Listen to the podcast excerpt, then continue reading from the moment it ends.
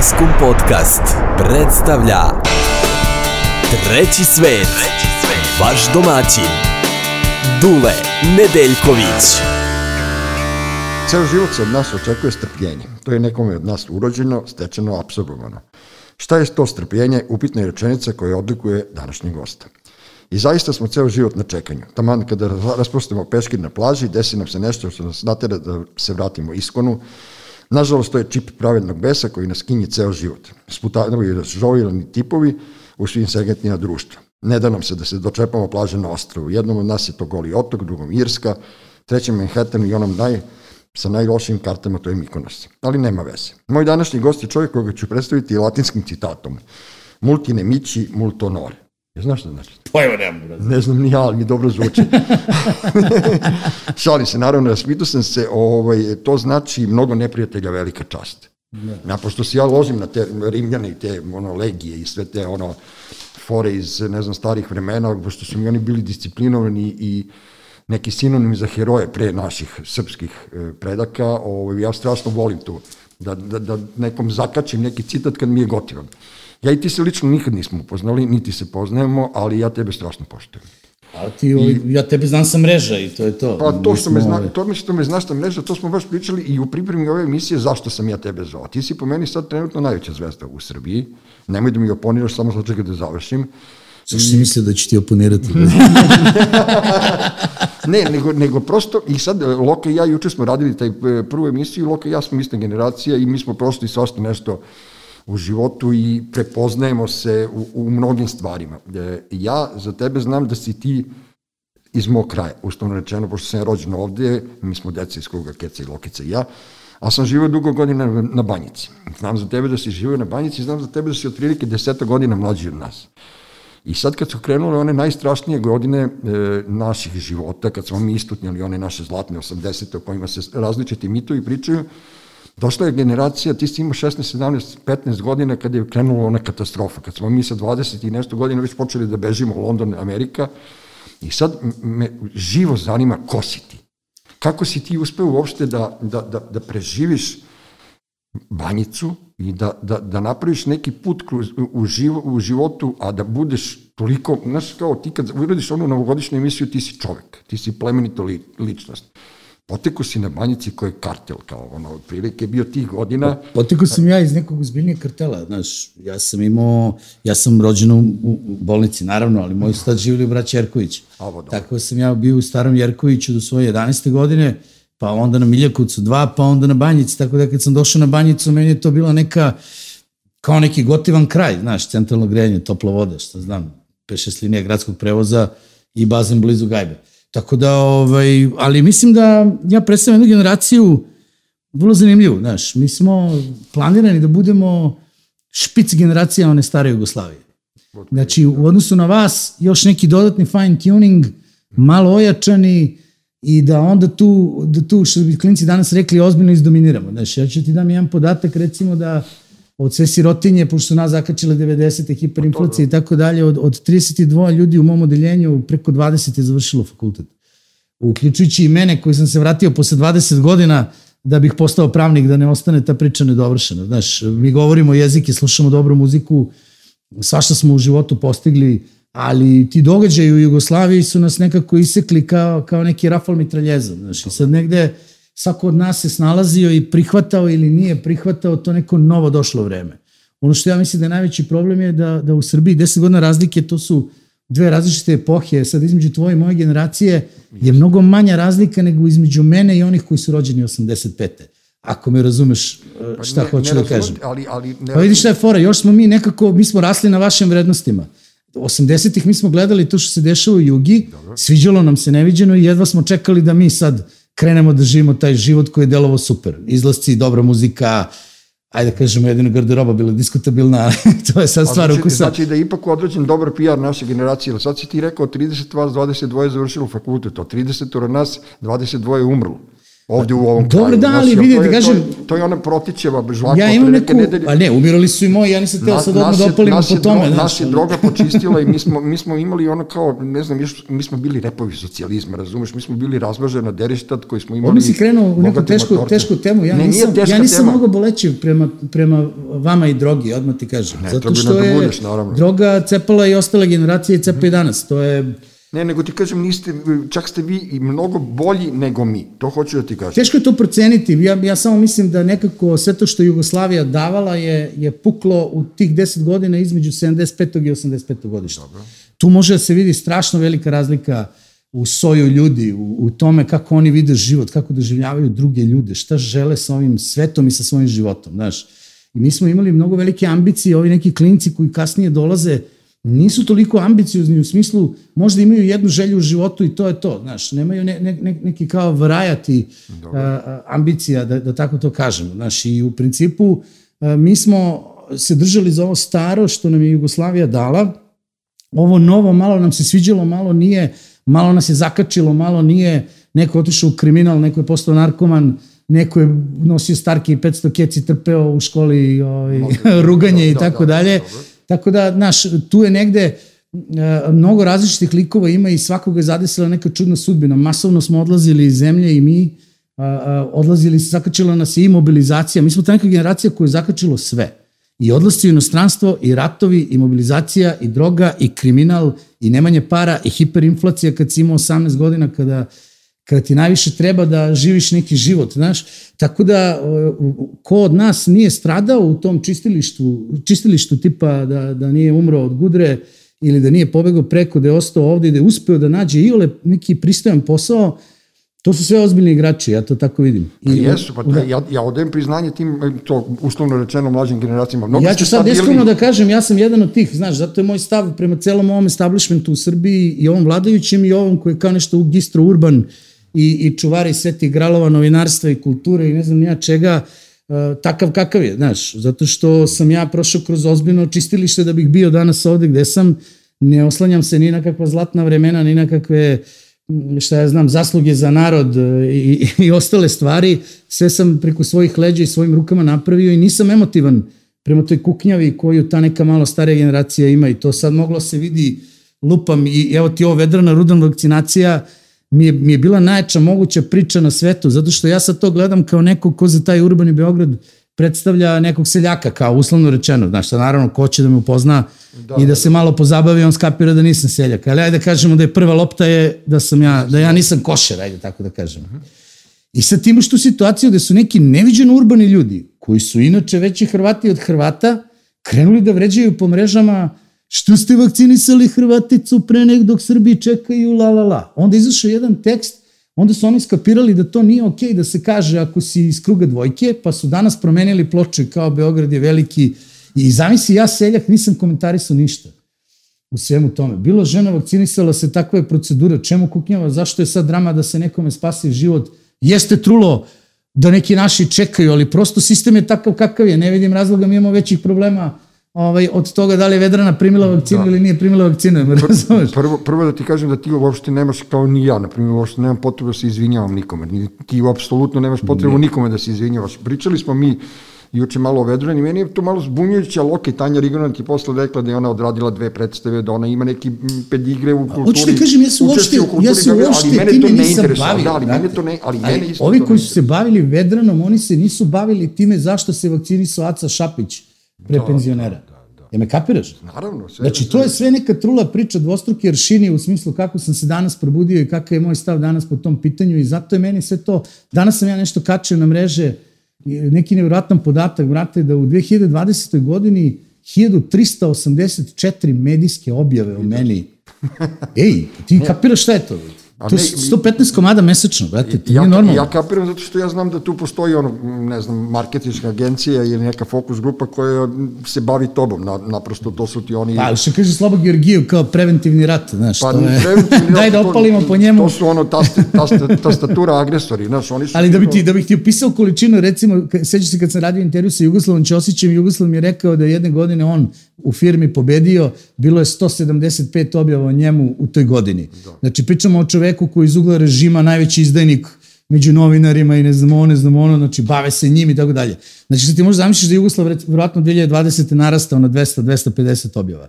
A je 1384. Jedino je Dragan Đilas pljuvaniji od mene u medijima, što nikako nije normalno, jer on se čak bavi politikom, ja sam bate neki voditelj za koga svi oni kažu... Da, ali tebe su otili... Ne, da je propoje. Ali tebe su, ne, ali to propo, propoli, ne, e, meni je to bilo super, ja sam recimo pitao Dušana Mašića, koji je ozbiljan novinar, ja sam ga pitao šta sam ja Mašiću? Ja imam sedam objavljenih knjiga.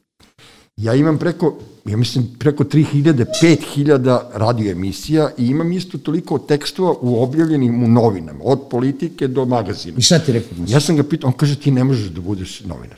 Ja kažem, kako, brate, ne mogu da budem. Ne možeš, mora on, da ti, mora on da ti da sertifikat. Ne, ti nisi novinar zato što, ja, čekaj, ja kažem, radio sam intervju, potpuno ista priča kao tvoja. Znaš kao, ja kad kažu, Ivan Ivanović kod Dolje, Bečković, kad si oni prvi put gostovao, kad su te pljuvali da nisi novinar, Ja sam bio u fazonu, jebate, ovi ljudi nisu normalni. Ali bukvalno nisu normalni. Ali sam tačno znao da tebe boli uvo, da li si ti, možda imaš, nešto je prele, davno rekao, sećaš prele što je rekao, kao, jeste vi književnik? On je rekao, ne, ja sam prele.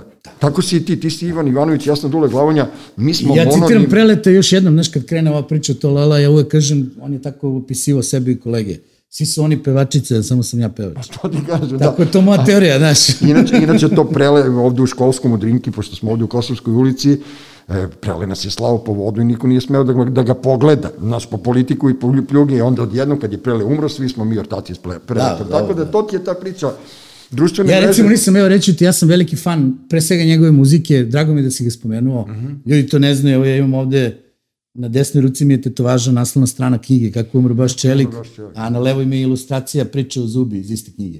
I ja sam ozbiljan fan Preletov i mislim da je on nepredno zapostavljen umetnik pre svega zbog tog svog karaktera koji je bio kakav je bio, ljudi uopšte ni ne znaju kakav je Prele bio pevač, A, još manje znaju kakav je bio pisac, za mene je bio vrhunski pisac, nije pravio mnogo nauke oko toga, pisao obične priče na najlepši mogući način. Pisao je kao što govori, ja ga znam. Bio sin grada, to je najbitnije, on je bio sin Beograda, znaš, i, i tu je sad ta neka, to je meni malo, znaš, ono, iskreno ti kažem, možda bi se ja i pecao na likove ko što je Dušan Mašić i šta ja znam, ali u mojoj karijeri, znaš, to novinar kod Olje Bečković, to ona potpisuje, ne potpisuješ ti, kad si gost kod Olje Bečković, ona te potpiše, ona napiše šta ona misli da si. I onda ako Olja Bečković misli da sam ja novinar, meni to okej. Okay. Uopšte me ne zanima šta, pa Nums, šta Nums misli o tome. Kad, kad, kad god gostujem, ja napišu književnik. Znaš, ispod toga znam da pola njih ono dobije možda pa, vidi, Ne, oni svi imaju varijantu, recimo novinar si ako pišeš za novine. Ako ne pišeš za novine, pa, ti nisi novinar. To je njihova teorija. Pa rešit ćemo to za sekund, objavit ćemo sutra po članak. Znam ali, znaš šta je fora? Ja sam pisao za novine. Meni se ni to ne priznaje. Iz ugla Nunsa. Ali ja sam član Srpskog književnog društva, baje, to je ono naš nešto to svoje vremena. Vidi, da se vratimo na prelete, ja sam bukvalno u tom fazonu, ja sam Ivan Ivanović, uspio sam se izborim za to da kad kažeš Ivan Ivanović, sve je jasno, nema potrebe objašnjaš mnogo. Možeš kaš, meni gost danas Ivan Ivanović i ljudi čuju moj glas i sve je okej. Okay. Ja sam jedan od redke koji ima jednog od najboljih prijatelja koji se zove Ivan Ivanović. I on, znaš, on, ja kažem sad, čerka kao dečić, ja kažem, idem da snimam sa Ivanom Ivanovićem, ona kaže, nadam se pravim. Tako da, I onog čoveka ubi ni krivo ni dušno, ne, vidi, to, to je dobro, ljudi, ljudi nikad, e, generalno ljudi koji te komentarišu, pogotovo ta neka ekipa sisača fondova, kako ih ja zovem, oni u principu ne znaju ništa o tvojoj karijeri Oni komentarišu moju emisiju da je nisu gledali. Oni komentarišu moju karijeru da nemaju pojma šta sam ja radio. Ja ti kažem da verujem i da u ovom trenutku stvarno ne znam da li ima još jedna ili možda maksimum dve osobe koje, da kažem tako uličarski, mogu da bace na sto veću televizijsku karijeru. Od reportera sa trotoara, preko sportskih događaja do visoke produkcije, late night show, preko kvizova, zabavnih emisija, jedini ikada koji je bio urednik dve televizije s nacionalnom frekvencijom u isto vreme zabavnog programa, hiljadu i po intervjua različitih pisanja za novine.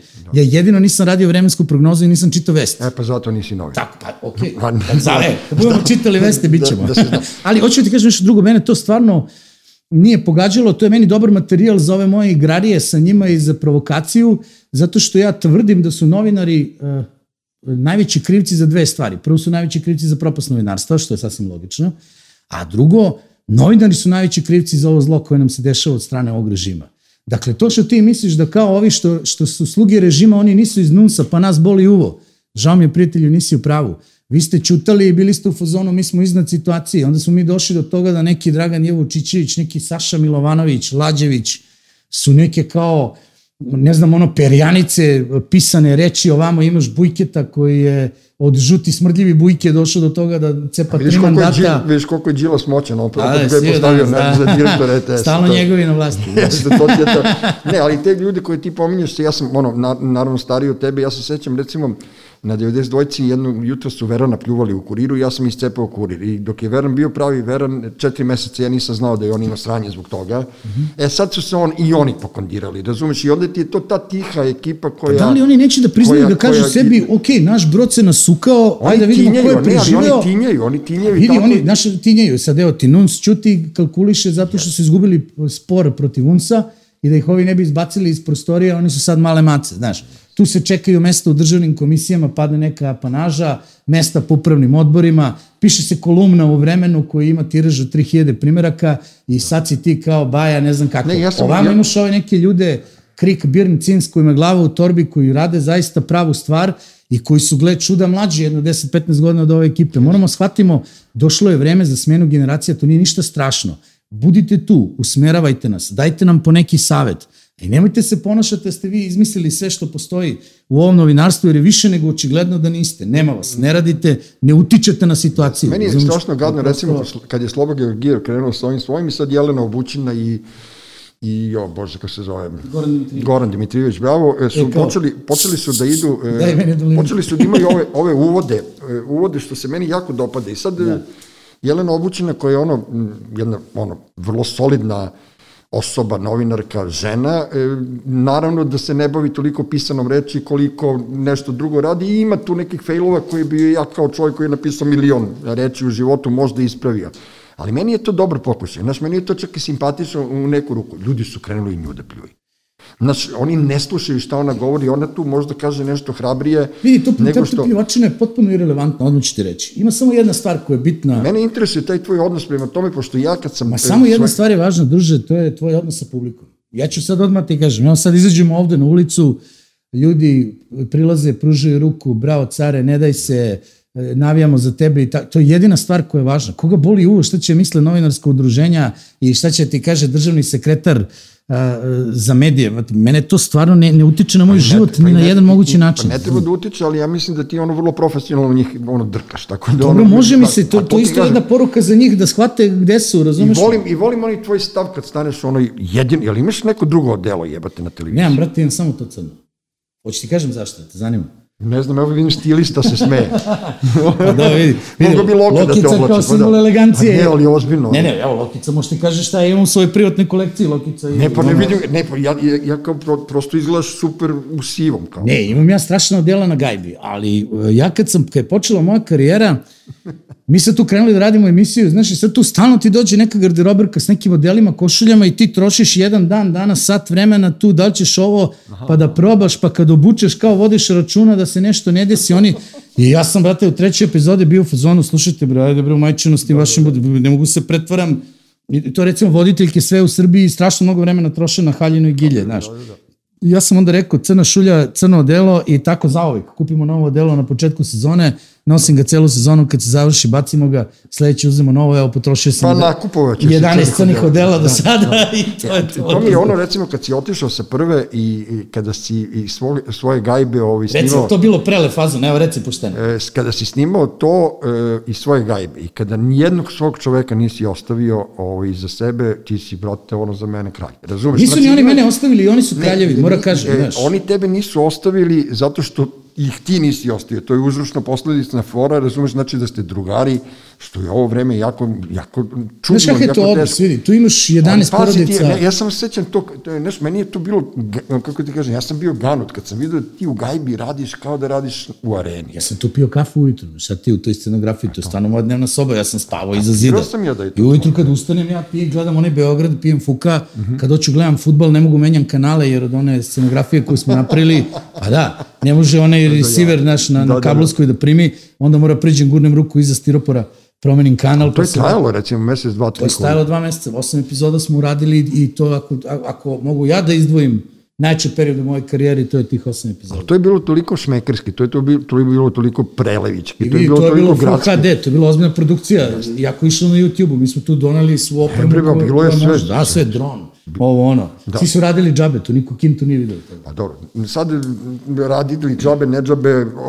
Pa i to je važno, da. Ljudski je, ljudski je, ali, ali ja sam znao da ćeš ti da se naplatiš. Od, od prilike kao, kako ti kažem, moralo ne, je to... Ne, ti kažem nešto, nije to bilo naplaćivanje, ja, ja ću odmah ti kažem nešto i direktko imam priliku to da pričam. Ja ovde radim za duplo manju lovu nego što sam dobio na prvoj. Dobro. Ja se ništa nisam naplatio, ja sam uspeo da prehranim te porodice i sebe, mi živimo dobro, nemoj pogrešno me shvatiš. Svima nam je strava, sve je cool, vidiš da sam debel, nisam, ono, da, nisam kineska reklama za glad, ali, ovaj, ali suštinski to je duplo manja lova nego što sam ja imao na prvoj. Ali to što, što je meni bilo potrebno da bih ja mogao da izađem pred publiku i da budem svoj, to tamo nisam mogao da imam, to je sloboda. Znači ja nisam hteo da budem rob, nisam hteo da me ponižavaju, da mi šef bude uh, da sad ovde ne, ne moramo vređamo ljude, naš obići kao sela dvojica odmah. ne, ne, ne moramo da pljujemo. Ali, znaš, ono, ja ovde imam slobodu, da. radim emisiju onako kako ja mislim da treba, da odim u goste koga ja želim, pričam fore koje ja želim i, i, i osjećam se slobodno što, je, što, što me čini redkim primjerom trenutno u Srbiji. Da ti kažem jednu stvar, jako je teško biti slobodan. E, naročito u medijima. To je naporno. Najstrašnije, naj, najteže je biti slobodan, jer sada dovedeš bilo koga ovde, pred mikrofon i da mu kažeš pričaj šta hoćeš, oni će se, znaš, malo će da se uzentuju. Da, da. Mene je to koštalo svega i svačega u životu što sam lajao na sve strane i bez mikrofona i sa mikrofonom, ali recimo, šta se meni sviđa kod tebe i kod tvog koncepta emisije, ti si humoristički program, je li tako? I sad imaš onu, onu staru priču da humoristički programi, naročito u Americi u svoje vremena, su bili blizu establishmentu, oni su podiz, pod, podilazili ciljnim grupama tim i, i kako koji kako kad pa kako koji ali recimo ne postoje trend u svetu recimo od Regana pa preko Schwarzeneggera pa onda ono Beppo u Italiji pa ne znam koji još, na kraju je to došlo nekako je došlo do Sergeja u Srbiji. Znači ono kao odjedno su zabavljači postali politički najpodobnije ličnosti, što se meni lično nije sviđalo, I što je meni strašno bilo, te, ja sam jednom reagovao pred mojim suprugom i rekao sam, samo da se Ivan ne upeca na ovu foru njihovu, tebe vole ljudi, ti si se zajebavao sa onim da, za predsedničku kandidaturu, ti si dobio neki procenat glasova. Ozbiljan, da, već samo nego PSG. Samo sam bio u fazonu, samo sam bio u fazonu, nemoj, neš, nemoj, ne treba ti to u životu. Ti, pa, ti si dobra, vidiš da se nisam ovaj... Ti si dobra podrška iz kraja, ali kažem ti, taj ceo, ceo taj trend tog nametnutog smeha, ume ponekada da, da bude naporan i, i, i, i ljudi koji se ne smeju odmah ih, odmah ih prezru, znaš, ali, ali i kad nekog poklopiš svojim humorom, njegova agresija kad tebi je Više je fora sa humorom, prvo ti objasnim šta je fora sa humorom, kao neko ko je, ja sam autentični komičar, znaš, ja pišem, ja ne dolazim da čitam šta drugi pišu, Dobro. ja pišem zajedno sa njima, znaš, i Dobro. ogroman deo stvari koje vidiš u emisiji je došlo iz, iz moje glave, iz mog pera. Bill Burr je to super definisao na jednom od svojih kasnijih, da kažem, skorijih nastupa. On je rekao da komentarisati nečiju komediju najuzaludniji posao na svetu, zato što sve što ja kao komičar izgovorim, ulazi u vaše glave, meša se sa vašim sjebanim iskustvima, odvrtnim detinstvom, nesrećama koje su vas pratile, kompleksima koje imate. I onda se vraća nazad prema meni kao neki zaključak koji ja nisam mogu da imam u glavi uopšte kad sam to rekao, me razumeš? Niti sam tako razmišljao. Tako da, generalno, e, ocenjivati nečiju komediju, to je suludo. Možeš da ocenjuješ delivery, na primjer, tehniku donošenja fore, da li je neko dobar u tome ili nije. Ali kvalitet humora, prosto postoji humor koji je za tebe i humor koji nije za tebe i tu se to završava. I ono što se meni stalno dešavalo, to je sad kao da, znaš, meni tu je bilo smešno. Ne znam, sad, na primjer, recimo, vjerojatno ne znaš da sam ja čovek koji drži prva tri mesta sa tri najveća stand-up nastupa u istoriji ove zemlje. Ja sam radio stand-up pred 33.000 ljudi u Novom pazaru, pred 25.000 ljudi u Novom Sadu i pred 10.000 ljudi u Beogradskoj areni. I sad izađe neki tamo batica iz Nunsa i kaže njegov humor je ispod svakog kriterijuma i ne znam ovo, ne znam ono. Na ko, po kom osnovu? Ko si ti druže? Šta ti znaš o tome? Razumeš? To ti je ko sad, mi pričamo kako Ronaldo ne zna igra futbol. Oni bi s tebe da izjednače, pošto su televizije... A što se tiče politike i Amerike, to je vrlo važno, ovaj, To me zanima, pošto ti to 100% znaš. Kako da ne, ja znam celu istoriju Late Night Showa. Prvo, svi koji rade na televiziji, oni se lože da imaju nekad emisiju koja je kao Late Night Show. Dobro. Pa se onda zadovolje time da imaju svoje ime u naslovu, to im je dosta, ne mora bude Late Night Show. Ali generalno, šta je tu ideja?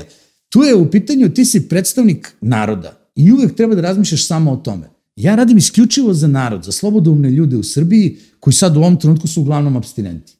I ja sam njihov predstavnik. Ja nikad u životu nisam rekao za koga da glasate, Nikad u životu nisam rekao za koga da ne glasate. Evo, veri mi da sad izlistaš 600 mojih epizoda, ti to nećeš naći. Ja ljude, pokušavam da podstičem da budu slobodni, da slobodno razmišljaju i da onda sa, sa tom slobodnom glavom, slobodnim mozgom donose najbolje odluke za sebe i svoju porodicu. To je moj, moja misija. Ja ne, ja, mene sad opozicija recimo uopšte ne zanima da ih podržim zato što kad jednog dana osvoje vlast, ako se budu ponašali ovako, ja njima moram da radim isto što i ovome. Pa dobro, mi... I ja sam jedini koji je radio isto ovo i u prošlom režimu. Kesić je počeo 2014. već su bili naprednjaci. Znači ja sam Borisu Tadiću radio isto ovo.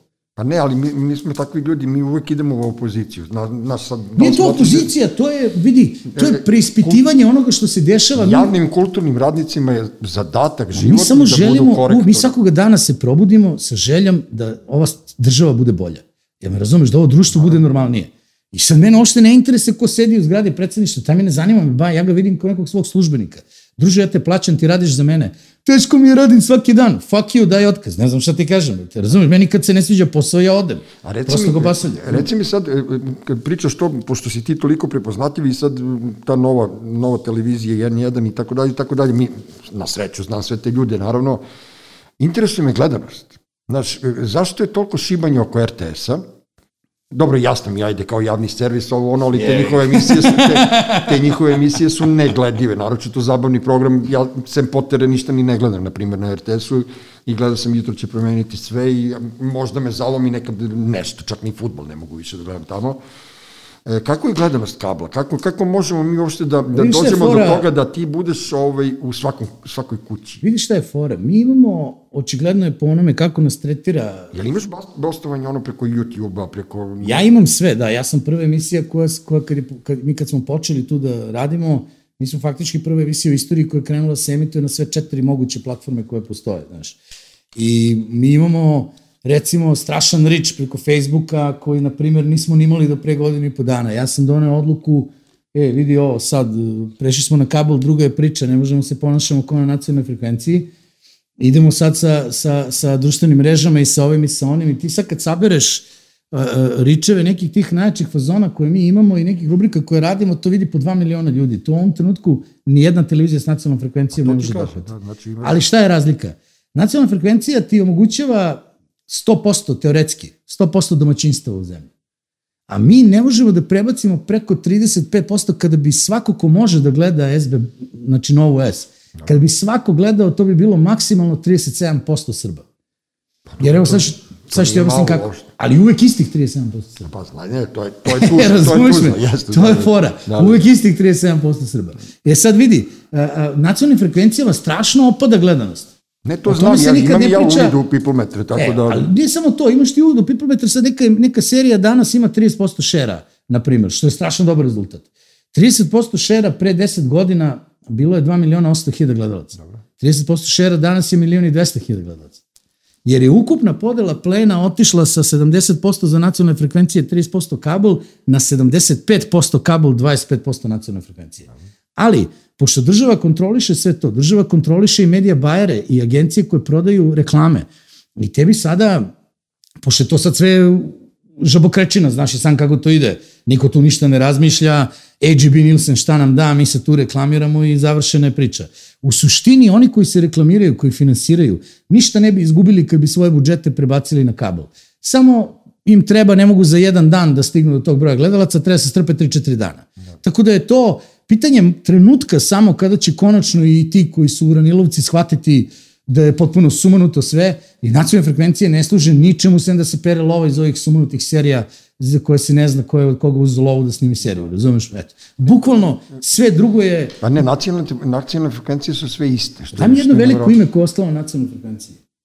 Pa ostali su Šaren i Memedović, mislim, naši drugari. Pa dobro, ali Šaren i Memedović, kako bi ti rekao, rade neku priču koja pa ne, kažem, nema veze s tim, razumiješ? Ali oni su mi prvi pali na pamet. Pa eto, i nema da, trećeg. Je. Znaš, i onda, ne znam, prosto kažem ti, meni je žao što... Tebi normalno da RTS nema, nema, RTS nema voditelja zabavnog programa. Nema zvezdu, brate. Nema zvezdu. Nema muškog voditelja. Nema, Jer nema... vidim, ni Šaren ni Memedović nisu to, oni su dobri u svojoj kategoriji, Šaren iskoristio svoj talenat da radi Šarenicu, Dobro. jer je bolje od Žike, naravno.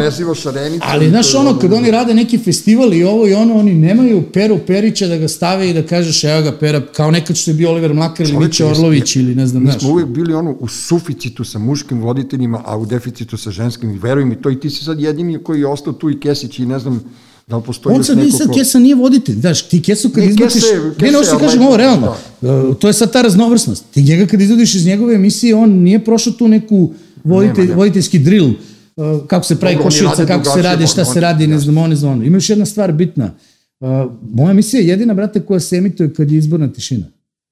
Gde ja stalno pokušavam ljudima da objasnim da je to najbolji dokaz da to nije politička emisija. Jasno mi je. Kad je izborna tišina, samo se ja emitujem. Jedino ja mogu napraviti emisiju bez politike. Prema tome, moja je odluka da u njoj ima politike i politika nikad ne prelazi jednu trećinu sadržaja. Što je isto vrlo zanimljiv podatak. Čisto da bi Dobro, ali, ljudi... ali, ali ti umeš da budeš vrlo glastan. Tako To je da sad druga stvar što ja pogađam, brate, kako treba. To je sad, kako bi ti rekao, kod mene nema pucanja na ti- razumeš? Što se ti ne kostrešiš u taj, toj jednoj trećini, to i malo To izdominira. je sad druga stvar što ja pogađam gde treba, to je, to je pitanje znanja. Ali generalno ovo, je- ovo, ovo hoću da kažem i zbog onih koji budu slušali, koji misle da se tu nešto stihijski dešava. To je jedna ekstremno ozbiljna emisija, sigurno najozbiljnija emisija u Srbiji u smislu organizacije, analize i svega. Ja tačno znam koliko čega ima u toj emisiji, kad se šta govori i zašto se govori u tom trenutku kad se govori. Tako da, a sve to deluje kao da je potpuno spontano.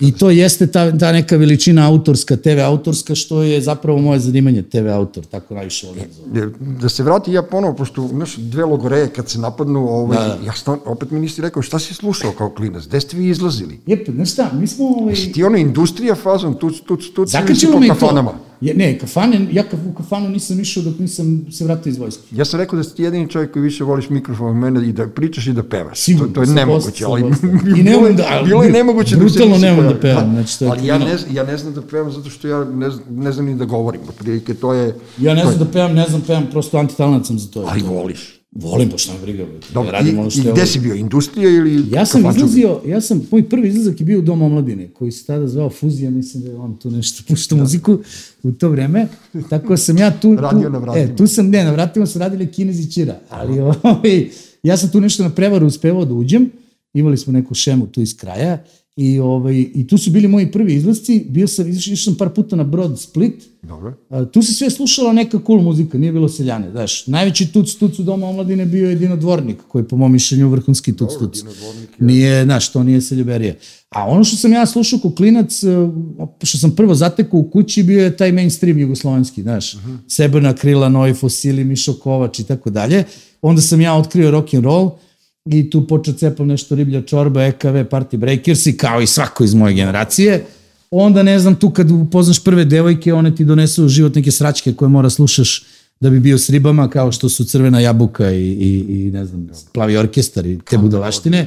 Onda smo provalili pušenje, da, da, da. tamo negde sa 14 godina, zabranjeno pušenje, to nam se kao svidelo ovaj, neviđeno, ali ja sam generalno uvijek bio fan tog nekog ju-roka, ali rock and rolla, znaš, ono, da voleo sam da pesma ima značajan tekst i značajnu i, i melodiju i tekst da ne bude kao dobra je muzika, tekst je njesra ili, ili obrnuto. Uh -huh. Volao sam uvijek muziku koja ima neku poruku. Kasnije kad sam tu nešto odrastao, onda sam počeo slušam sve, danas najviše slušam džez, recimo, kako kaže onaj, onaj seriji džez je odličan ako voliš sve note da čuješ odjednom. Da. I ovaj, to je meni ono... ja ne kapiram, ja, ja ne kapiram džez, meni je džez ono potpuno, okay, potpuno ali... rastimo, ono, ono... Pa da, je, pa to je to što ti kažem, ali ja sam tu našao neke... Dobro, i ti neke... imaš karakter, to znaš kao ti skačeš sa... Pa, nije, ja danas svašta slušam, vidi, imam, ja umeđu vremenu kad sam krenuo da idem po kafanama i tu sam sad imam neki svoj ono fazon, ali uvek volim ono što je nekako, što ima beogradski duh. Da, da. To mi je... Pa nisu ti stavili sliku u filharmoniji, nego u taboru, tako da ono... Tako je, i ne jedno, nego ja, iskreno ti kažem, ja tamo imam neki četiri, imam jedan, na jednom zidu smo patrijarh Pavle Đinđić i ja, to je najvažniji zid u kafani, a imam i na svim ostalim zidovima, ali ovde sam dobio, po pet fotki smo dobili svako od nas, od nas trojice, i to mi je ono ozbiljan kompliment. Pa izgleda da si bio ktitor od tog restorana. Pa može se reći slobodno, ja sam tu kocke ostavio, znaš, ali da, da. sam u taboru ne možeš dobiješ ti sliku samo zato što dolaziš. Ja sam bio jednom u životu s bivšom ribom i nisam se osjećao ovo i uopšte, kako ti kažem, mnogo je prepoznatljiva ekipa, izgleda je familijarna ekipa i ja to... Da, na šta je tu Kao bilo? što mi je Loka rekao juče da, da bi me zvao u neki fancy restoran, ja sam rekao, ja ne idem po tim seljanama, tako da ono... A dobro, ne, vidi. Znači, ne mogu ja da, ono, moraš da imaš, moraš da imaš... Moraš da se osjećaš prijatno, jeste, brate. jeste, moraš znači, da imaš... Potpuno je nebitno šta drugi misle o nekom mestu, moraš ti da se osjećaš prijatno tu. Ja sam u toj kafani doživao neke mnogo lepe emotivne trenutke, neke tužne, tu sam plakao, tu sam se smejao, tu sam lomio čaše, tu sam držao muziku do, do 10-11 pre podne sledeći dan, Tako da, znaš, nekako sve što, što mi se desilo u životu na, na tu temu dešavalo mi se u taboru. Tu sam slavio diplomu, tu sam, ne znam, upoznao Kevu i Čaleta sa novom ženom, Svašta da, da, sam da, tu da, radio. Da, da. Ali, e, reci mi, e, ti si zvezdaš. Yes. Naravno, kao i svi mi. Jesi išao ti na utakmice? Pa, ja sećam prve utakmice na kojoj sam bio. Ko je? Prva moja utakmica u životu bila Crvena zvezda Sloboda iz Tuzle 79. godine, Borovnica dao šest golova, 9-1 za zvezdu. Sećam se ko juče, pio sam Coca-Cola i staklene flašice na zapadu, jeo semenke, i gledao tu goleadu i skaku i svi su bili oduševljeni, pošto sam ja sa četiri godine izgledao kod jedan godinu dana. Samo sam govorio i hodao, znaš, jer sam bio strašno sitan. Bio si I svi su bili tu, a, kao lala. Meni je zvezda, ono, ja sam sa tri godine znao ceo zvezdin tim na pamet i uvežbavao prenose, da. čale me snimao na kasetu i tako dalje. Ja sam imao sreće, ja sam ona generacija koja je, koja je pred Delija. Ja, mi smo cigani i, i, i volao sam da idem, na, meni su jedna od najlepših doživlja u životu bila gostovanja zvezde u inostranstvu. Da.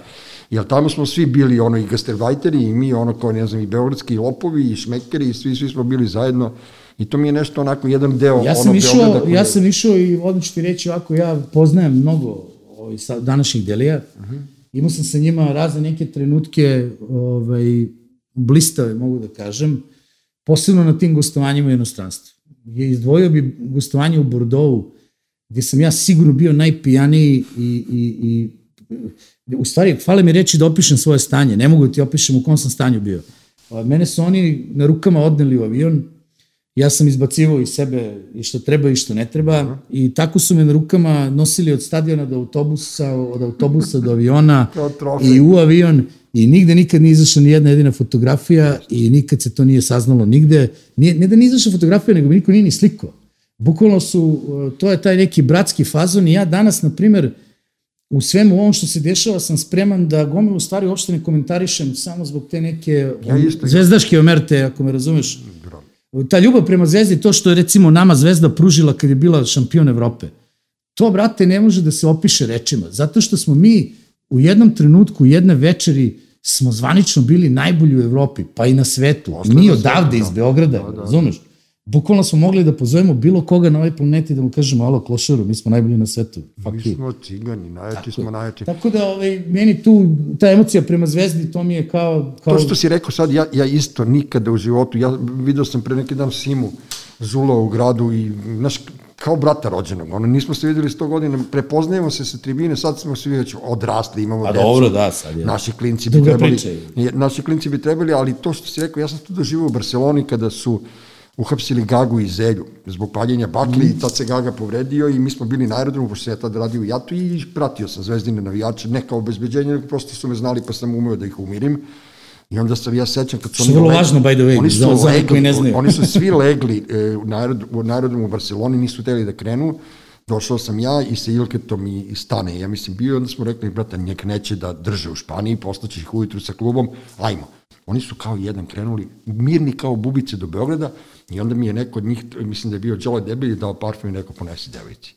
Znaš, to su, na, oni su naši, a ti, ono, čitaš po novinama, slušaš na televiziji, da su to najveći zlikovci na svetu. Vidi sad, da ti kažem nešto, dobrim, ja, ja, ono što ja znam, ono što ja znam je šta sam video na tim utakmicama. Ja nemam taj iskustvo s njima, moje iskustvo su drugačije. Ma normalno. Ljubav prema zvezdi, uvek zvezda i samo zvezda i ne znam, žrtva za, za, za klub i davali smo pare iz džepa kada je klub bio u krizi, bukvalno smo skupili lovu u avionu, davali upravi, e, ne znam, i Pixi kad je bio plaćao svojom karticom hotelske sobe kad klub nije imao love, znači ljubav prema Zvezdi je iracionalna stvar, ona se ne dovodi u pitanje nikada, ali Zvezda nam je to vratila, znaš, tako da Zvezda ti je uh, ko Kevina rođena Šveca. Tako, Jeste, ja to, pa tako ali meni, meni nedostaju utakmice. Ja, ja bih volao, ja sam sad ono vakcinisao na budalu, što bi ti rekao. Da.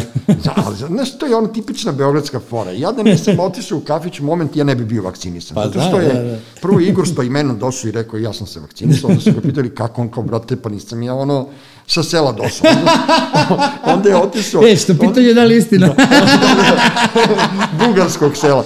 Onda, onda je otišao Ćosa, košarkaški trener i kao došao kao, brate, ja se vakcinisao. Ja kao, ja nisam ja najveći indijanac ovdje. Ja kažem, moje ženi, hoćeš ti da se vakciniš? Ona kaže, ne mogu, ja, ja sam alergička na, na penicilin, aj ne, nećem te pustiti. Ja sam otišao i ona tamo sestra izašla i rekla, ili ima ovdje još neki medicinski radnik koji nije vakcinisan? Ja kažem, ja Oni kaže, kolega, uđite. Ja sam ušao, doktor Nedeljković, oni su mene vakcinisali, ja sad sam... Moraš da odeš po, revakci, po ovu drugu dozu. A, moram, Xi Jinping, ali ja ću da, da roknem onu drugu, da, da vidim da... da malo pomešaš špricericu, a? da vidim da ću dobiti... Ne, meni Ortak se vakcinisao i rekao mi, kaže, brate, može s ulice, evo ja bio. Ja odem sutra ujutru. Pa ne, pa to znam, ja sam se ja. smejao kao lud, ja sam bio u fazonu, čekaj, brate, Ivan Ivanović nije mogu da uđe, ja smekar ušao. Pa, znaš, Normalno, pa šta, ne, ali ja mu kažem, rekao, te bre, ovo za vakcinu, kaže, ne može, ja kažem, pa ne, rekao mi Orta, kaže, to je nekad bilo.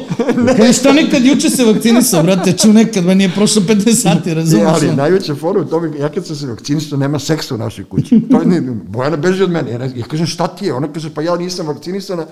I onda je ona meni objasnila da ja imam sad koronu u sebi, jer me, sam ja, primio mislim, kinesku brate, vakcinu. Ja mislim, brate, kažem, ja... Da, da, da, da, da. Probaj se istuširaš. ne mogu, kupao sam se juče za loku, ne mogu sad svaki dan. Ništa, onda nema, sačekaj sledeću nedelju, pa onda napadni taj dan. Ne, ne, ne, posle da je vakcine e, mislim da, gotovo. Mislim da si zaslužio neki bolji izgovor, je vidio. Ma dobro, Posle toliko godina, znaš. E, vidi sad. E, da te ispuštuje. e, kad, smo pričali, kad smo pričali o Titovima, e, sad ću ti pročitam jedan tweet, možda provoliš koga je napisao. Možda nije aktualno, ali mnogo sam srećan, stvarno mnogo. Ja Zbog svojih prijatelja, bebe, bebe koju čekam, nekog optimizma za koji nisam ni znao odakle dolazi, Zbog moje čerke koja je carica, bukvalno u ovom trenutku sam gospodar svemira. Volao bih da mogu ovu sreću da prinesem na sve vas. Evo ti, srećan si čovjek. Jesam, brat. Jesi ovo ti napisao? Ja sam to napisao. Ili tvoj PR?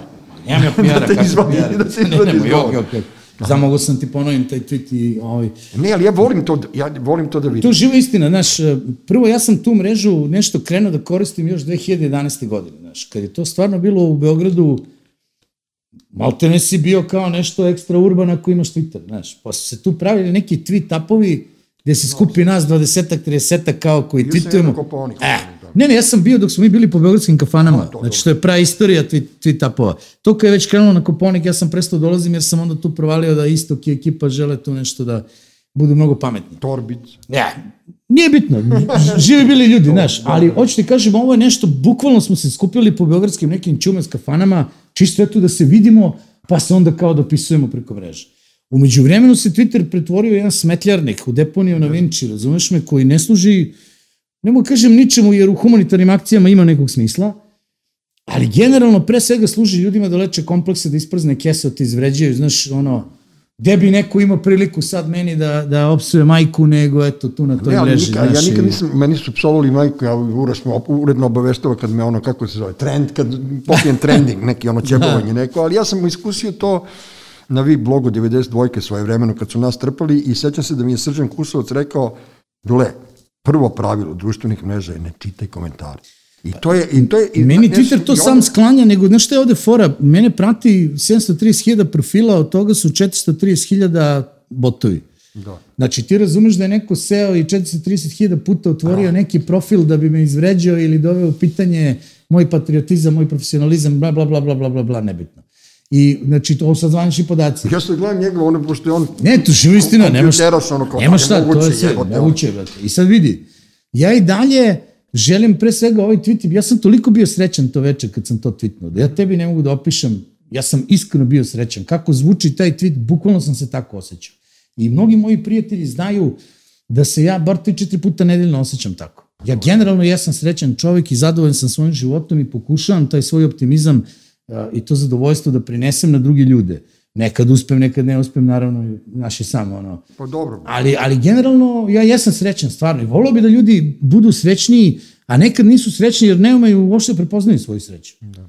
Znaš, možda si srećan čovek samo zato što se probudio danas. Jesi u odnosu na onoga ko se nije probudio, tako? Naravno da jesi. Evo sad te malo pre si pomenuo, da li ti ili, na, Dina Dvornika. Ja se sećam u Rovinju, smo ja i on slavili, mi smo na isti dan rođeni, Aj. iste godine. I Dino je došao u Rovinj i mi smo se zapili, ja ne mogu više da se setim gde, to je dva dana i dve noći, smo mi slavili rođendan i tada sam ga poslednji put video. I eto, to je naš ono, ti Rovinj, evo ga Lokica Rovinj i ja sam ceo život u Rovinju. Rovinj je neka, smo... neka ludačka energija, znaš, to je ozbiljno. Jes, ne, ne, ali ne, neko povezivanje tu koje, koje znaš, to je u stvari Rovinj, ja, Rovinj kapiram kao nak, naš korzo. Jer ti tamo pričaš sa ljudima iz grada koje znaš, a ne pričaš s njima u Beogradu. I onda provodiš yes. koliko su oni u stvari gotivci svi. A ti u jednoj pa, svi ulici, smo tamo drugačiji ti kroz kareru, batanu, taj krug, kad napraviš, ti vidim tebe, vidim Loko, vidim ne znam, ovoga, vidim onoga, ja sa svima njima pričam i onda shvatiš ti da su to oni ljudi normalni. Vidi moju priču, ja, ja nisam bio u Rovinju nikada pre. Ja sam prvi put u životu došao u Rovin 2007. godine. To je Loka prevari. Ne, ne, ne, nismo se tada on ja ni poznali. Ja sam imao kolegu, radio sam u američkoj ambasadi neke noćne smene. Imao sam jednu kolegu koji mi svaku noćnu smenu po dva sata priča o Rovinju. I posle jednog ti četiri meseca ja mu kažem, vidi tebra, ili ćeš ti ja prestaneš da pričaš o Rovinju, ili ću ja tu udavim ovde i završena priča. Moraš da ideš, brate, ja kažem, evo ja ti obećavam da ću da odem da vidim, samo te više ne slušam. I kada sam došao u taj grad, bukvalno sam se odmah zaljubio prve sekunde i ta ljubav ne da nije prestala, nego nije izgubila intenzitet svih ovih godina. Da. I za mene, ja idem tamo u oktobru, u novembru, u decembru, u januaru. To je dobro, to je dobro. Znači, odlazim non stop tamo, imam gomilu prijatelja, uh, italijana, hrvata, muslimana, srba.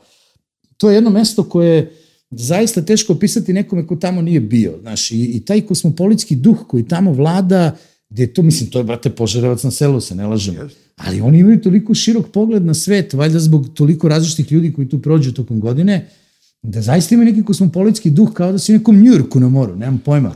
Niko te ne pita ko si, šta si, odakle si. A to se videlo sad, da je ostala ta ljubav, videlo se sad, ja sam letos bio oko 20. augusta, sam bio da. tamo, bili su tu Gavra Šešlija, Loka je bio i, ovaj, i onda smo bili jedan na jedan, jer su italijani i austrijanci yes. morali da zapali i onda smo yes. ja, ja osetio ponovo ono... Mi smo spasili ono, sezonu ove godine. Da, ali ja sam osetio ponovo ono da oni nas gotive. Evo ti ja ispričam sad priču 13. januar, Srpska nova godina, ja to tradicionalno slavim u Istri, znaš. Dobro. Kao i uskrs, ne znam da li to znaš, da svaki uskrs mi farmamo jaja i kucamo se jajima u Puntulini u Rovinju. Dobro. I ovaj, sa mojim kumom koji živi u Puli, koji je Srbin, ali živi tamo. I mi dođemo u hotel park, pošto nema alkohola, ništa ovo ono, ja sa to kao kako ćemo srpsku novu bez da, jeli, uzem dve sobe za mene i za kuma i familije i sve i organizujemo doček i ekstra večeru, mimo neke zagrebačke urbane ekipe koja je bila tu, neki ljuti milioneri iz Zagreba. I oni stoje za šankom i mole da im se da neko piće, u 10.00 se zatvara, nema pića, I, ovaj, I ovim kažu ne može, znači pravila su takva, stožer je rekao la la, a u šoljicama kafe nama unose rum u, u cigar sobu gde mi sedimo i, i tako celo veče. I, pa ne, kapiraš me? Hoću da ti kažem, da, da, da. to je neka ljubav tamo koju ljudi moraju da shvate. Meni se često pripisuje tu neki ovaj, izdajnički, uh, izdajničko delovanje zbog tog odlaska tamo. Ja ovaj Rovinj, iz, Istru celu, izuzimam iz nacionalnih rasprava. Znači, niko nema pravo da, da tih 220.000 stanovnika Istre meša u bilo kakva nacionalna sranja, Jer to, ja me razumem, što su ja ljudi koji da su ti, izvan svega toga? Da si ti rekao ono što sam, ja mislim, ceo život, u stvari što sam ja rekao, ja da se Istra izdvoji od Hrvatske, ja bi otišao tamo i živo. Ja isto. Istog sekunda, tako da ono, e, prosto to je, to je, a vidiš, e, to ti je taj, taj link između naših generacija, znači ono, idemo, idemo u tebalnim stazama koje... Ja ti kažem šta je problem moje generacije, mi smo neki, neka, znaš ono kad puca nešto, lupam sad, pa se razvlači neka materija. To što je razvučeno između ovog komada mesa i ovog komada mesa, to je moja generacija. Da. Koja je negde tu sa vama, a negde i sa ovima, a u stvari, dobro, a u stvari nije nigde, znaš. Prihvatamo mi sve to. E sad, pred kraj e, ovog našeg razgovora, već smo pred, koliko je još smo otišli? Dobro, to je to. E, ja moram da ti kažem dve stvari. Jel ti znaš da si ti meni spasao život dva puta? Nemam pojma. Prvi put, kada si radio cash taksi, moja žena i ja smo imali, dobili smo čerku koja je imala 3-4 meseca, ja sam dao otkaz iz jata i uvalio se u neki kredit najstrašniji, nismo imali leba da jedemo. Ja sam znao jednog dečka iz tvoje produkcije koji je rekao, naj, ubacit ćemo ti ženu i čerku, nemoj ti da ideš, tebe svi znaju, da ide sa Ivanom da je vrti u majke mi rođene. I ja nisam nikada, nikada nisam mogao, slušaj, nikada nisam mogao da nađem taj snimak gde su Anja je bila beba, imala 3-4 meseca, I e, kao pomoć je bio moj sveznalica Kum Gile, Milašinović koji zna sve od kad smo mali, njemu ne treba Google u pičku materi. I sad, išli ste, tamo ti si je postavio na prvo teritorija pitanje, ona je znala, znala je ovo, ono, i onda kad je trebao Gile da se javi, bilo je pitanje da li je, koja je prva francuskinja koja je osvojila Wimbledon, valjda je bio odgovor Mary Pierce. I Gile se naravno promaši, inače bi mi dobili još neku večer. I ostavio si Bojanu kod kolarca i ona je dosta taksijem i mi smo jeli sedam dana. Tako da, tačno smo premostili onih sedam dana. Brate, ne ježio sam se, ja nisam sad našao. Znaš, I onda mi je bilo ono u fazonu, eto, od tate znam do jaja. A drugom prilikom si spasao život, ja sam strašno patio, radio sam na prvoj televiziji u ekipi 150 minuta. To su bile neke, ono, idi mi, dođi mi varijante, Ja sam hteo da pobegnem i hteo sam da pobegnem i hteo sam da pobegnem i onda kad se provrtelo to, kad si ti postao urednik e, ovaj, zabavnog programa, ti si dao otkaz s nekim ljudima koji, s kojima sam ja bio u ekipi, tako da si i mene počistio i ja sam ti na tome do neba zahvalan, verovo ili, ili ne. Znaš, ono, kol, ono, koliko si mi ubacio, e, toliko si mi izbacio, ali neka, ja sam srećan čovjek, ja nešto, nisam imao snage. Ne, hoću ti kažem nešto drugo. Znaš kad ne možeš da ja nisam, jebote. Ovo drugo ne mogu da prihvatim na sebe, jer ja nisam dao otkaz nikome. Ma ti si, ne, znaš ko je dao? Urednik, Kaća Pavlović, dala, direktor po programu. Dobro, ali ti Naravno, da, da se ja nisam složio, ne bi mogla da, ali Nisam se ja time bavio zato što ja sam na održavam veliki sastanak i nacrtao potpuno novu emisiju, to je trajalo 11 sati. A meni je to sve smešno bilo, razumiješ, ja kažem ti kako se to provrtelo i sad ja kažem jebate dao mi Ivan Ivanović otkaz, ali ljudi su se smeli, mi smo se zajebali, zezali s time, ili ja nisam ono prosto, kako ti kažem, nisam nameru, baš me briga, nisam zasluživo da radim to, ili ja sam radio s Majom i sa Netom, nisam znao koja je moja uloga tamo, no. ali kao radio sam. Pa iskreno ti kažem, kad sam ja došao tamo, manje više niko nije znao u toj ekipi šta je njegova uloga i to je bio moj glavni zadatak i Na kraju krajeva možeš sam da vidiš, ja, ja sam tada to pokrpio, izmenio koncept, imenovao neki urednik i neka TV lica, to ti je danas i među nama i tih 150 minuta se tamo radi po toj šemi da, da, i ti da. ljudi koji sam iza brudu urednici su i dan danas urednici, da li na novoj, da li na prvoj. Ja sam iza sebe ostavio nekoliko novih TV lica i novih urednika, što jeste neka ideja uh, da se zna da si bio tu i da si radio nešto veliko. Ti si radio čak tri emisije, Loka zna da sam ja veliki fan četiri i po muškarca. E, da. Ove, jaka emisija, reci. Meni, ja je obožavam. Meni jeste jaka i umete da budete... To je rovinska emisija, samo da znaš. E, ko je izabrao Dragana Ilića? Ja sam izabrao Dragana Ilića. Bravo. A ove ostale ne komentarišem. Sve sam ostale ja birao. Ne, jedino, jedino i nije, dobro, e, ove dvojice su s tobom dugo, Loka je fenomenalan, ali mi za Dragančeta mi je ono, on mi je, E, Dragan Ilić je došao posle mene da radi emisiju s Goricom na 92 i ja sam njega uvijek kapirao kao TV manijaka, kao preozbiljnog tipa, ali on ima tako briljantan um, on, ima, on je da, pametan, da. a ima taj neki, da nekom ga Znaš kako sam ja koncipirao ekipu, da ti kažem, evo, ja sam koncipirao ekipu tako da su Dragan i Loka doneli nešto što recimo nas trojica nemamo komunikaciju sa, sa nekim grupama publike s kojima mi ne, ne komuniciramo. E, te, možda zato što ne umemo, a možda zato što si boli uvojem, razumeš, da se posvetimo tome. Hoće, ne, strpljenje Dragana Ilića nema niko. Pa, hoću ti kažem, Dragana toliko vole svi, znaš, on je super, on je stvarno sjajan tip, dobar čovjek, pametan, Lokica, neviđeno urban, I to su sve neke dve stvari koje mene ošte, ja sad tu trošim vreme da me zavole ovi, da me zavole oni, aj zdravo, evo, vi imate Loku, vole, da. vi imate Dragančeta, nas trojica peglamo ovu našu priču i kad pogledaš, to je možda po meni jedan od boljih projekata ikada na našim televizijama, zato što su ulaganja mala samo u ljude koji to rade. E, svako može da nađe segment od 5 minuta koji je za njega u toj epizodi. Da. Ako sam mu ja bez veze, bit će mu dobar Điđa, ako mu je on bez veze, bit će Bane, ako su mu svi bez veze, bit će Loka, bit će Dragan, svako će naći nekog svog. I, I to je jedna genijalna emisija po meni, na to sam mnogo ponosan. Ali meni je recimo žao što ti radiš u, petku, petkom, ne radiš e, samo razgovor, i da nekako, da ovo humoriste, da, da nekako je mash up, moja lična Pa vidi, sad, to je, sa, je naravno, Mogla da. bi da bude treća emisija, to sa, sa ovim i da pa se više nekada. zajebavate, da budete razumeli. Pa bilo je nekada, mi smo tako radili.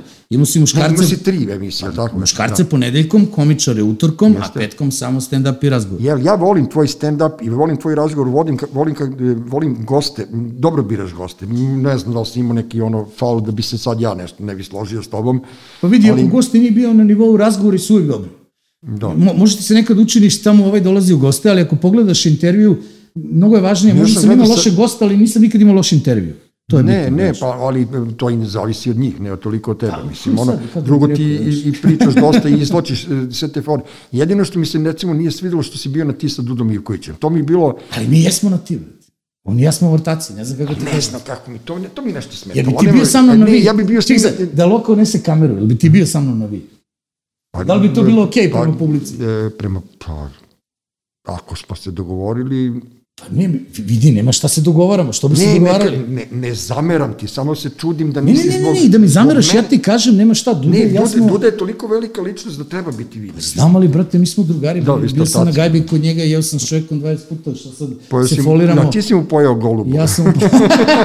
ne, brate, sam mu pojao golubu, ubio bi me odmah, znaš. Ja sam bio u Atini na njegovoj terasi, ja sam bio u Atini na njegovoj terasi, ovaj, sa golubarima i to je bilo... To je sve... Ti sećaš Duda kad se opraštao da niko nije hteo da radi njegov oproštaj? Sećam se. Nijedan, ko je radio? Radio sam ja. I TV prva. I direktan prenos utakmice, i snimak reportaže, i sve, i ovo i ono. I ja sam ga zato i branio sada kad sam ga branio, zato što ja znam zašto Duda uradio ovo što je uradio. Pa dobro. Ne, ne veze, dovoljno smo bliski i kažem ti, bio sam na ti sa njim zato što smo stvarno dobri prijatelji. Ja u principu iznenadio bi se koliko gostiju je tražilo od mene da budemo na ti, iako smo inače na vi. Tražili su da budemo na ti. Znaš, to nis, ja nikad, ja ne Ne, imaš toga. ti tu žvaku i to, i to onda, onda znači da ste, ono, ružno zvuči familijarni i onda kao tu ste na istom da, nivou. Da, vidi, ja nemam razloga da krijem od publike ja sam dobar ortak s tim čovekom, šta sad radimo, zašto ne, se foliramo? E, postoji, postoji neki ljudi koji, me, koji ja krunišem u svom životu. Znaš, tako bi mene moglo neko da kaže zašto pričaš na ti sa Pecom Popovićem. Znaš, jer Peca je čovek kome ja, koji je meni ukucano vi. Pa evo, ja sam s Pecom bio na vi, recimo. Pa do, e, pa, pa ne, dobro, znači, znači, to je, to je ta, to je ta, to je ta fora. E sad, za kraj ovoga da ne davimo mnogo ljude, e, drago mi da si vesel, drago mi da si raspoložen čovjek, drago mi da smo pobegli od politike, pošto o politici svi isto mislimo, i meni te, ono, nadam se da ćeš ono jednog trenutku iskulirati te dnevne, ovaj, ja ne vam kažem začkoljice, ali pusti ih u pičku, a ne vrem, ono, znaš, kao daješ im, daješ Realno, im ja se, na, ja jurim cenu. neke, ne, ne šta, jurim neke bitne stvari, neke stvari su važne zato što nema nas možda pet, čiji glas se čuje, znaš. Jeste. Važno je, jer onda ćemo okay, svi da potonemo, znaš. Ne, okej okay, to da ti u emisiji odeš da kažeš da je Vestara ovo ili ono, razumiješ, i da je, ne znam, ovaj uradio ovo ili ono, ali po Twitteru se svađa sa tim botovima i to, to mi je, nekako, od kad sam ja otišao sa Twitter u 31. decembra, meni je laknulo. Jeste sigurno, ali... Laknulo mi, jer ali... ja ne vidim više ono, jer ja njih znam. Ja znam odakle kreće talas trpanja. Znaš, pa da, ali, znaš kako je to, ja sad tu, opet ti kažem, to igra veliki brojeva i emisija i sve i Znaš, sad kao ja se povučem, bit će povuku se cava, mi ga oterali odavde, ne, la, la, la. Znamo mi da si cava. A ja volim, ja volim da im dam da se napasu, kako kažem, gaga u onom filmu, znaš. Pa Brat, mislim, lepo je. Brate, ali imaš prelete na ruci, šta te boli u pa, pa, ne, ozbiljno. Pa, ali problem je što ga imam i duši, znaš. da, da, da. E, tačno, tačno si onako kako sam te ja zamišljao. Mislim, ono, i nisam se prevario i jako bi drago zbog toga i sad kao stariji, ne mogu kažem kolega, pošto nisam ja novinar, ja znam koji smo mi kurac. Pa baš, onda mi jesi kolega. Ja da, dobro, ovaj... dobro. E, setio sam se danas, e, kada sam jednog malog klinca, koji je stalno bio veseo, nasmejan, veseo, nasmejan, a u stvari je bio tužni klop. Znaš, nekako mi je to bilo, e, kad sam bio klinac, zapamtio sam i, i, i sad sam razbio iluziju, nisi ti tužan, neće se ti meni ono, Daleko nećeš poveći. I sad ima, ja ću da završim ovo sa, je neče što se meni sviđa. Kao, evo, e, kao mali savet mlađem dečku ću da ti kažem jedan stih. Iz kuće izleteo na ulicu Iva, sa zadvihan, zahuktao kao lokomotiva. Videli ga drugovi, pa za njim i oni potrčali, zahuktali kao pravi vagoni. Ne moraš baviti uvijek da budeš taj ta lokomotiva. Eto, to je ono kao samo moj savjet za tebe. Ne moraš da budeš lokomotiva, budi nekad, pusti nekad malo drugi nek te vuku, Ne moraš da budeš prstan. Ja razumeš? mogu ti kažem, što nisam ja toliko... Dobit ćeš sad e, drugo dete. E, da to, e, vidiš, to sam zaboravio. Imaš Stašu, čerku, da. E, blisko godina. Ona ima 17 godina. Anja je malo mlađa, tu su nam klinci, svi, sad ćeš dobiti bebu. U celoj ovi, ovom, ovom haosu što se dešavao oko nasilja i svega toga, ja sam recimo otišao tu u Čumićevo kod Sokača i kupio sam čerki beaver spray. Jel me opravdavaš? Opravdavam Dozvoljen je ja razumem, nije, nije ilegalno. Ja razumem, ne znam da li je ilegalno ili nije, ali to opravdavam čak i ako ilegalno. Ja razumem taj strah, I ti si prošao, ti si četiri, sad moja čerka je recimo tri godine mlađa od tvoje. Ko, kako, jesi uspeo da iskuliš? To ne prestaje. Pa ne može, što ti kažeš? Nikad neće prestati. Ti sam volao da, mi, da si mi rekao da te je prestao. Pa neću te lažem, je, mislim, ne može da prestane, to je tvoja princeza, ti je, znaš, kad je bila dve kile mesa. Ne to princeza, nego kako, se, je... kako se ti osjećaš prema, kada ti nije tu. Znaš, ja sam freak control, malo ne preterano, naravno, ja se borim. Ona je sad Natašu, e, sa ekipom koju znam, e, ali prosto to kad mi se javi, dolazim kući pa tih 20 minuta kao je moja projekcija da bi svima ona mogla... Isto, da to, svima nam isto, brate, ja se isto tresem i čekam da dođe, ja se samo trudim da ne prenosim tu nervozu na nju. Da se ne bi vodio kao Čale Smarač. Pa I ne vodim se kao Čale Smarač, vodim se kao mega cool Čale, ona živi sa mnom ovaj, zadnjih pet godina i imamo jedan odnos koji je, koji je izuzetna redkost u, u Srbiji pogotovo pravi smo ortaci, guramo zajedno kroz sve probleme i ona sa mnom kroz moje, ja sa njom kroz njene. Kad sam odlazio sa prve, kad sam rešio da to uradim, ja sam seo razgovoran sa njom, rekao sam, vidi sine, taka i taka stvar, to će da utiče na naš život, više nećemo moći ovako, la la, ona se to malo, dobro, tata, što ti uvek moraš da, mama, ba, i otišla u svoju sobu. I onda se vratila s jednim crtežom koji sam ja zapamtio, koji nije njen, nego ga je skinula s interneta, bila jedna grupa ljudi i kao svi žele da se dopadnu nekome, a s desne strane je neki baja koji se drži za balone.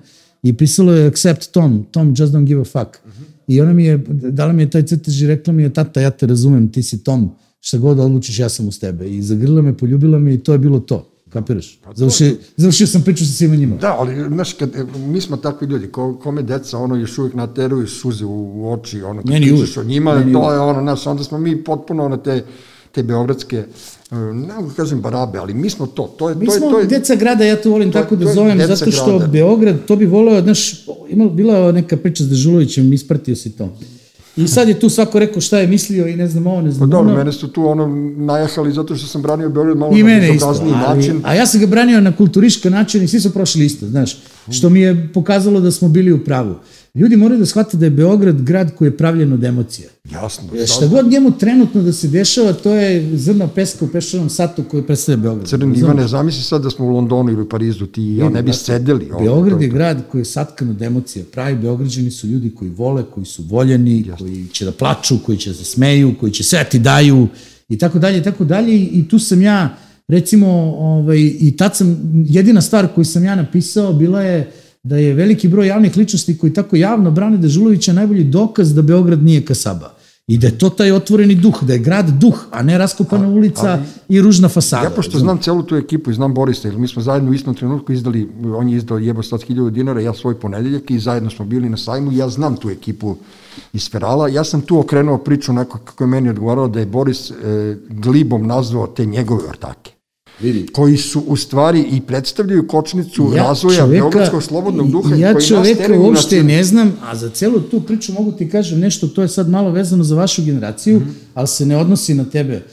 A, tu je neka, neki bes koji oni osjećaju prema sebi što su kad su možda mogli nešto da promene i da spreče sranje koje se desilo na Balkanu, oni spakovali kofere i otišli po Kanadama, Amerikama. Što su, zato što su bili foleri. E pa nećemo, e pa dobro, ali to je druže njegov problem, nije moj. Znaš koji je fora u Beogradu? Da, Beogradu je fora, mi smo, ja sam ovde išao u, u drinku iza, preko puta. Da. Kod mene u odelenju je bilo dva Roma, Gari Desetaž Crnac, bio je sin Aca Suharto, Suharta, predsednika posle Indonezije.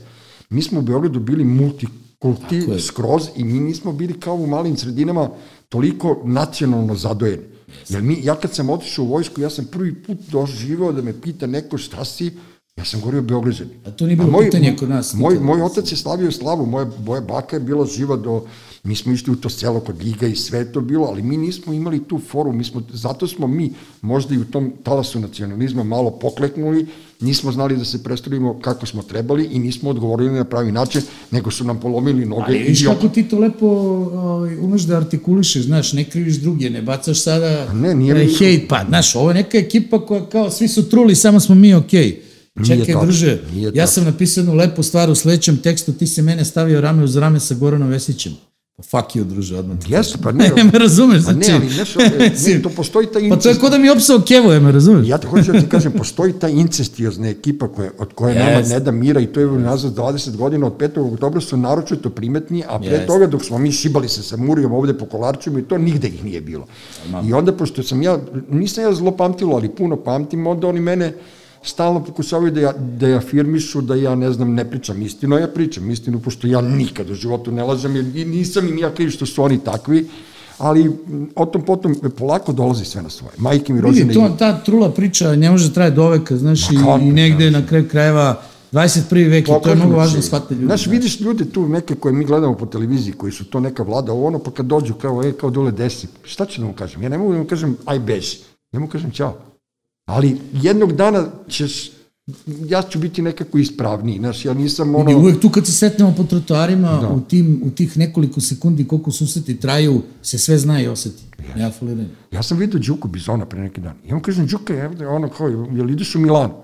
On se zbunio. Pazi, ja pitam Đuku Bizona, jel ideš u Milano posle svih ovih trpanja što jeste sve. Pa zato što oni nama ne sme se jave. On se zbunio. Oni nama ne sme, znaš se kriju od mene po Rovinju. Leto si Rovin bio pun. Ko se krije? Pa svi naprednjaci. Nemoj da pričaš, pa ne, ja sam ja urodio. Jedino se ne krije, pa gdje, kad, veruj mi, opet je loko. Da, ja vidim Sanjo Marinković pije u batelu kafu, to je 10 metara od moje zgrade. Dobro. Ja kažem čao, ona okrene glavu na drugu stranu. Ozbiljno. Da, ovaj njen frajer se ovako nešto izmušti, kao, znaš.